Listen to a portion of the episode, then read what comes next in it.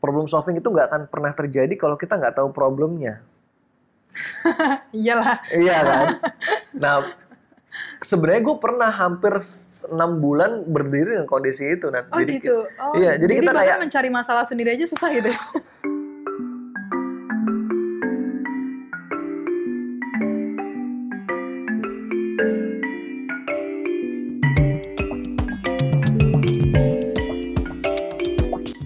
teman-teman podcast belajar startup, apa kabarnya nih? Balik lagi di sini bersama Nadia. gue hari ini kedatangan tamu dari salah satu startup di bawah naungan Badar Startup Studio, yaitu Skydu. Siapa lagi kalau bukan Bapak CEO kita, Andika Amri. Yeay! Weh, kita sekarang lagi ada di ruang Skydu ya, masih sepi Yes. banget. Ini jam jam berapa sih kak? Jam 8 pagi. Jam ya? 8. Lu berangkat dari rumah jam berapa kan? Lu Actually gue nginep di. Oh gitu. Demi demi ini buat ngisi podcast belajar Iya, startup. oh, ya, one of. Gila. Yeah, one of the reasons ya. Bangga banget tuh guys. Kamri sudah meluangkan waktunya. Eh kak, by the way, kenapa lu sering dipanggil Raditya Dika sih kak? What, what kind of question is this? Gue nggak tahu ya, mungkin ada beberapa persamaan di antara kita. Maybe, maybe the jokes, I don't know. Oh gitu. Ya. Kenapa jokes lu? Ya garing. ya ya ya. Mungkin everyone needs to know my photos. Uh, mungkin ada beberapa kemiripan juga dari segi fisik ya. Gila, gila, gila. I don't know. Semoga kesuksesannya mirip juga. Amin amin amin. Lu uh, CEO Skydu ya kak? Yes. Coba dijelasin dulu dong, Skydu tuh apa sih? Skydu itu adalah platform kursus online yang mu- mudah dan murah terjangkau untuk para education entrepreneur. Nah, itu. Platform kursus, online. Gimana, gimana tuh maksudnya? Jadi misalnya teman-teman pendengar podcast BSS ini ada yang eh, sekarang punya bisnis yang gerak di edukasi, saya ngasih seminar parenting atau kelas bahasa Inggris, kelas coding gitu kan.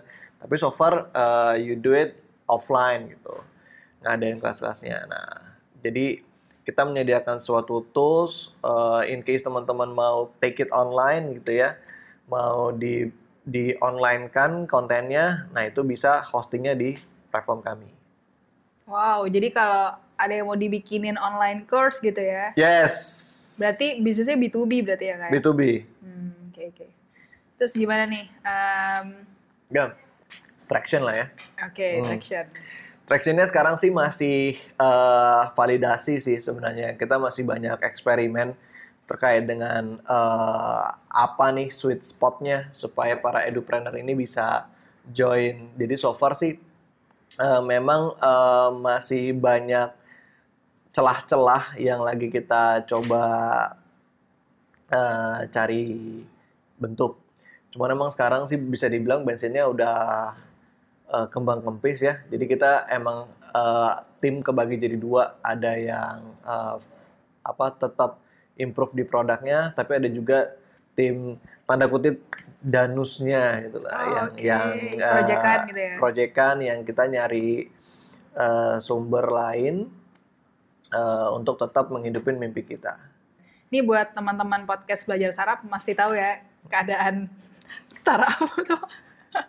Ya gini ya Iya. kayak masih mencari apa ya eh, stabilitas. Karena selalu, Pak, eh, yang namanya bikin bisnis tuh nggak pernah mudah ya. Jadi Iya, iya. yang namanya ngelu- yang membuat orang ngeluarin uang dari dompetnya itu selalu hal yang challenging dan emang harus bener-bener worth worthy banget gitu. Apalagi zaman now di mana netizen 62 ini kan eh, plus 62. plus 62 ini bener-bener nyari yang kalau bisa gratis kenapa gue mesti bayar gitu kan. Oh, iya, iya.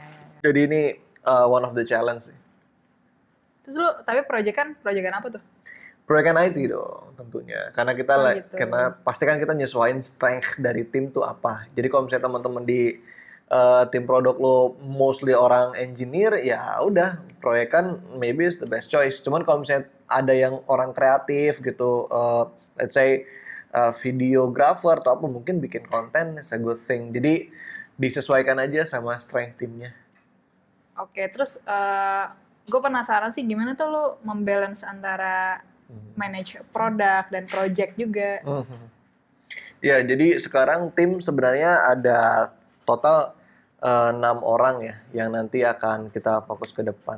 Jadi emang kebaginya literally ada dua dua orang yang benar-benar maintain produknya, eh, sama sisanya itu kita ngerjain project. Jadi emang eh, itu sih emang mesti balance. Jadi gue sadar kalau nggak mungkin dalam satu tim itu paralel. Jadi emang harus ada emang ada beberapa yang fokus banget tetap tetap ngevalidate pro- produknya.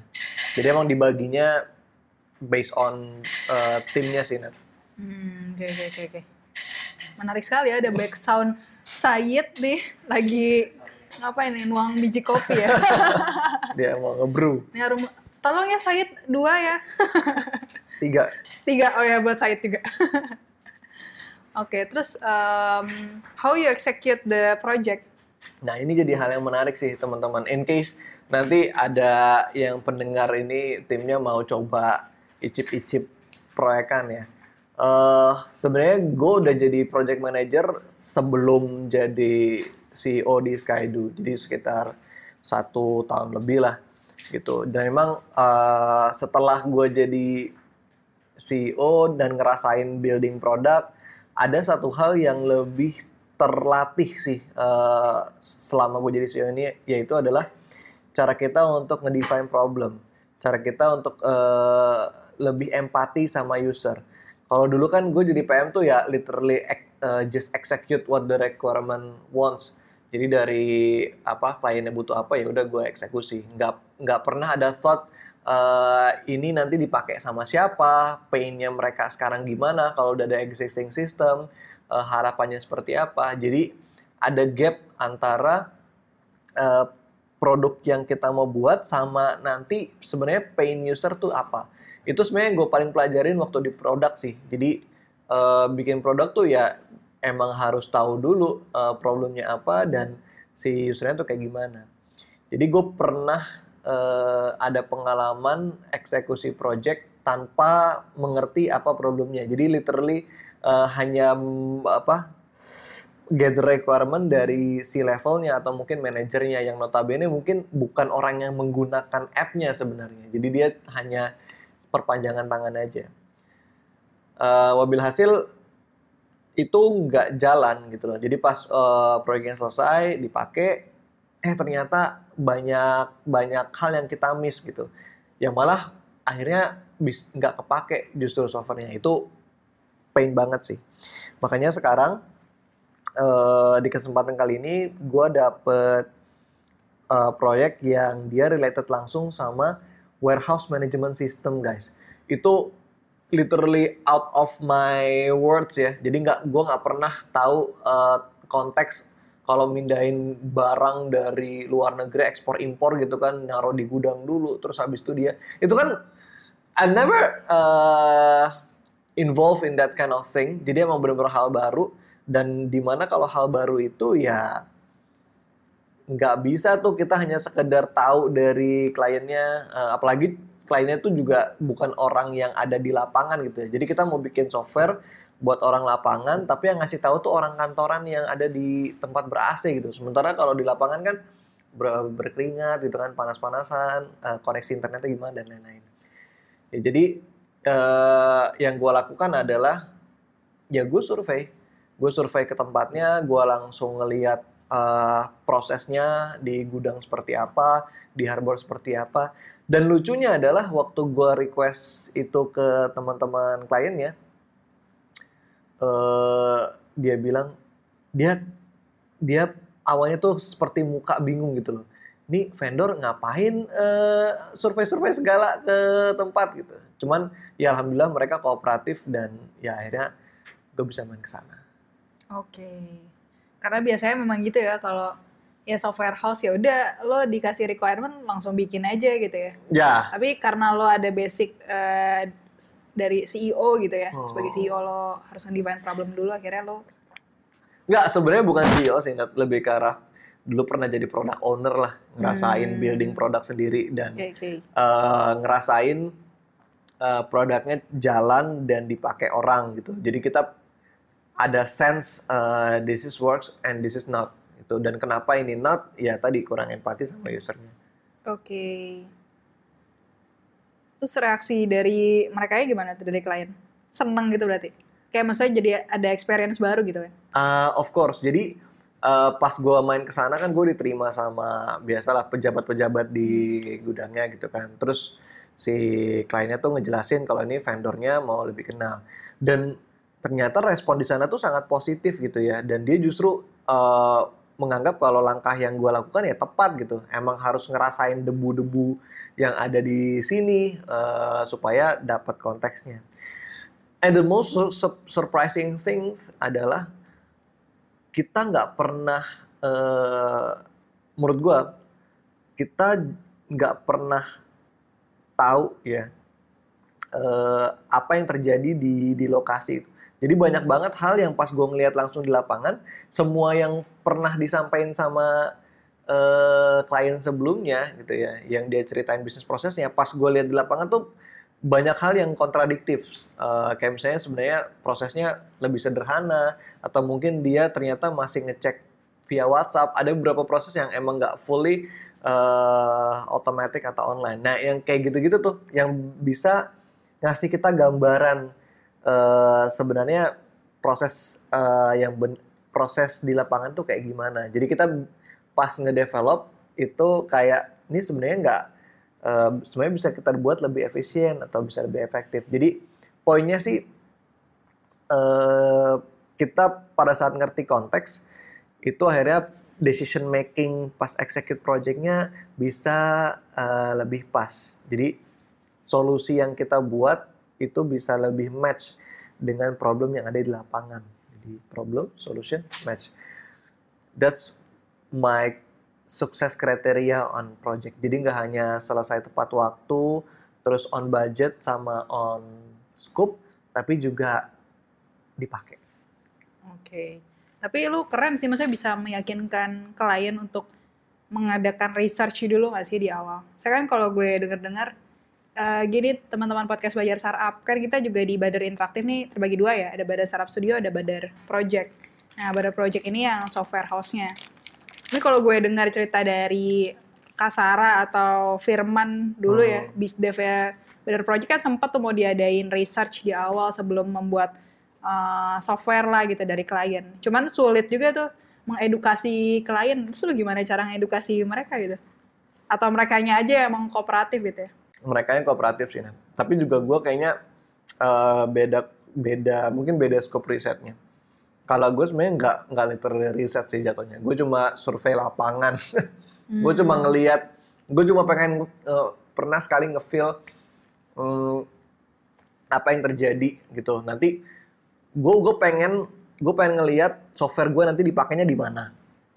Gue pengen ngelihat orang yang pakai tuh kayak gimana sih bentuk wajahnya uh, apa pain yang dia rasain sekarang, apa harapan dia kalau misalnya gue bikin yang baru.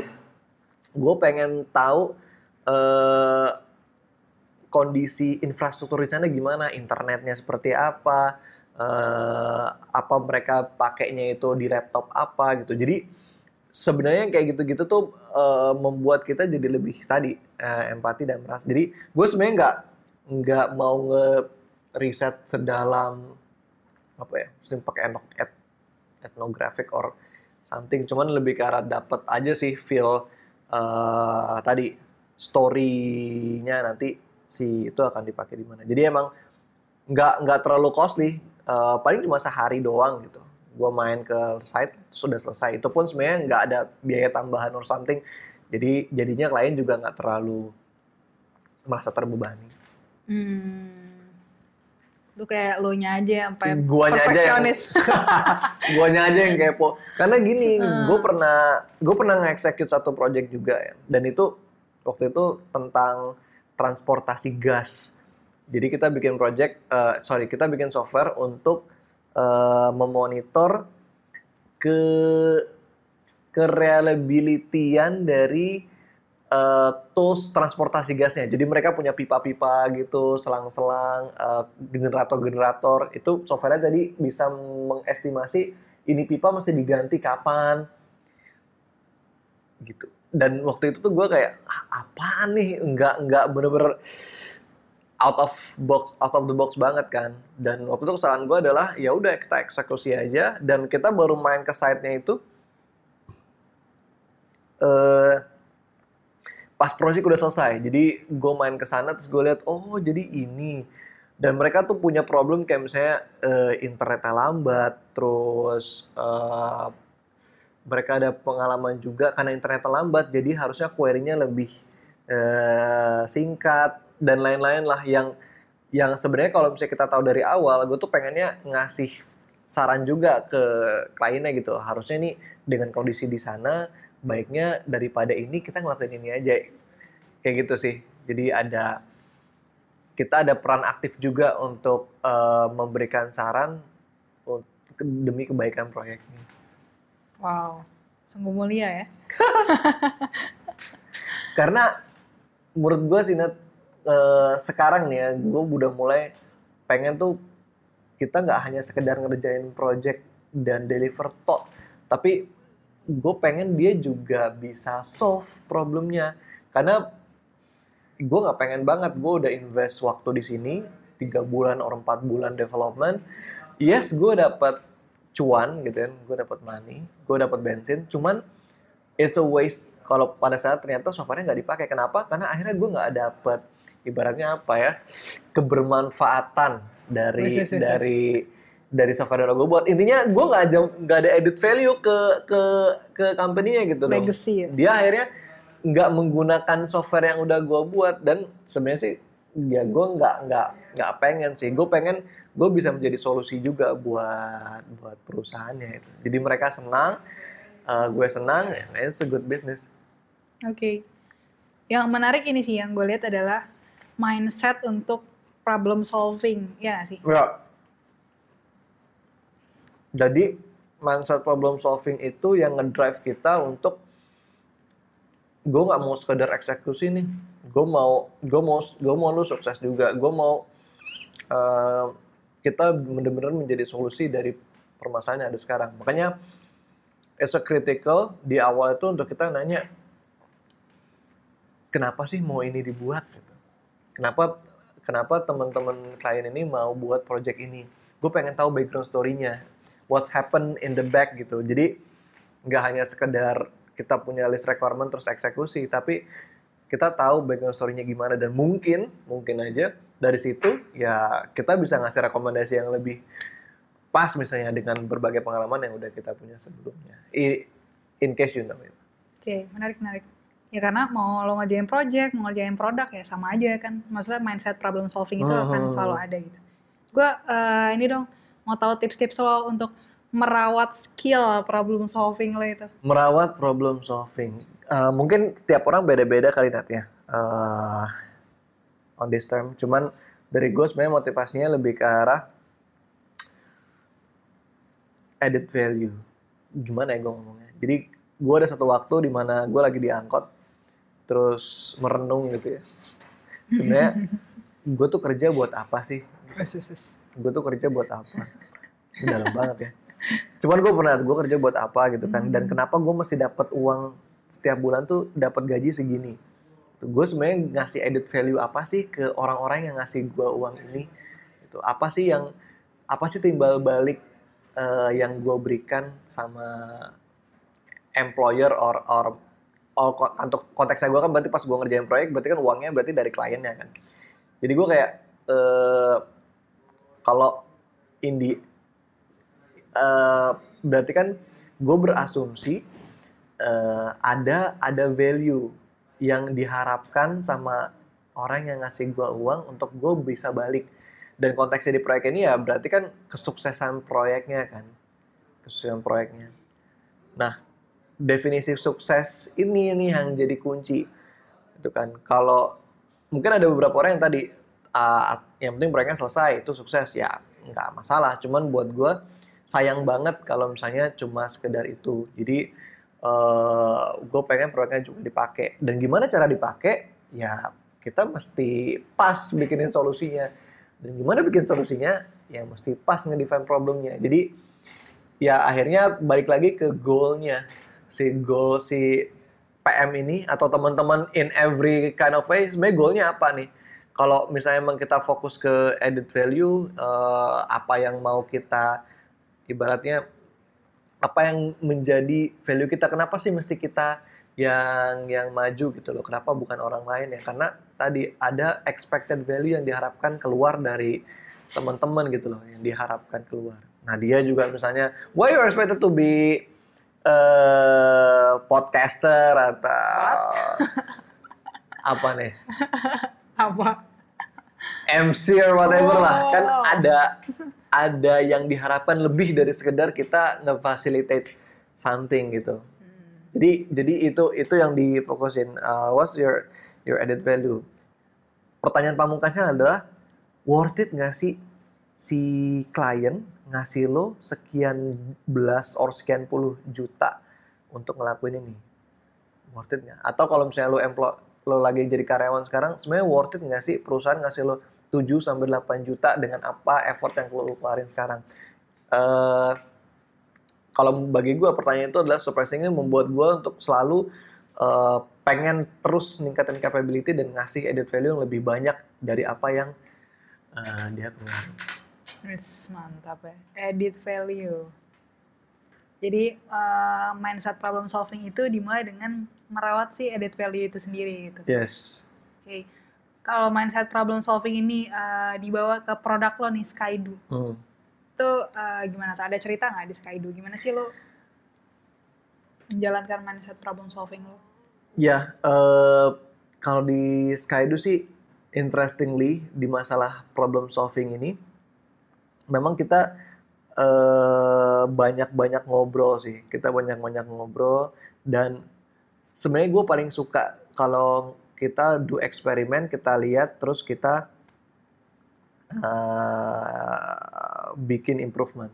Kayak sekarang tuh gue lagi bikin funneling ya funneling, gue kontak seberapa banyak orang, terus ber- conversion rate-nya berapa, berapa persen, dan abis itu uh, conversion rate ke tahap berikutnya, sampai akhirnya kita presentasi dan deal. Jadi itu kita bikin funnel, dan eh, tadi cara untuk ningkatin uh, funnel di beberapa titik, ya pasti ada improvement yang mau dilakuin. Lagi-lagi kita kembali ke added value. Sebenarnya kenapa sih orang patah di sini, kenapa ini kecil banget eh, funnelnya di sini? Kan dia akhirnya ke definisi problemnya di mana.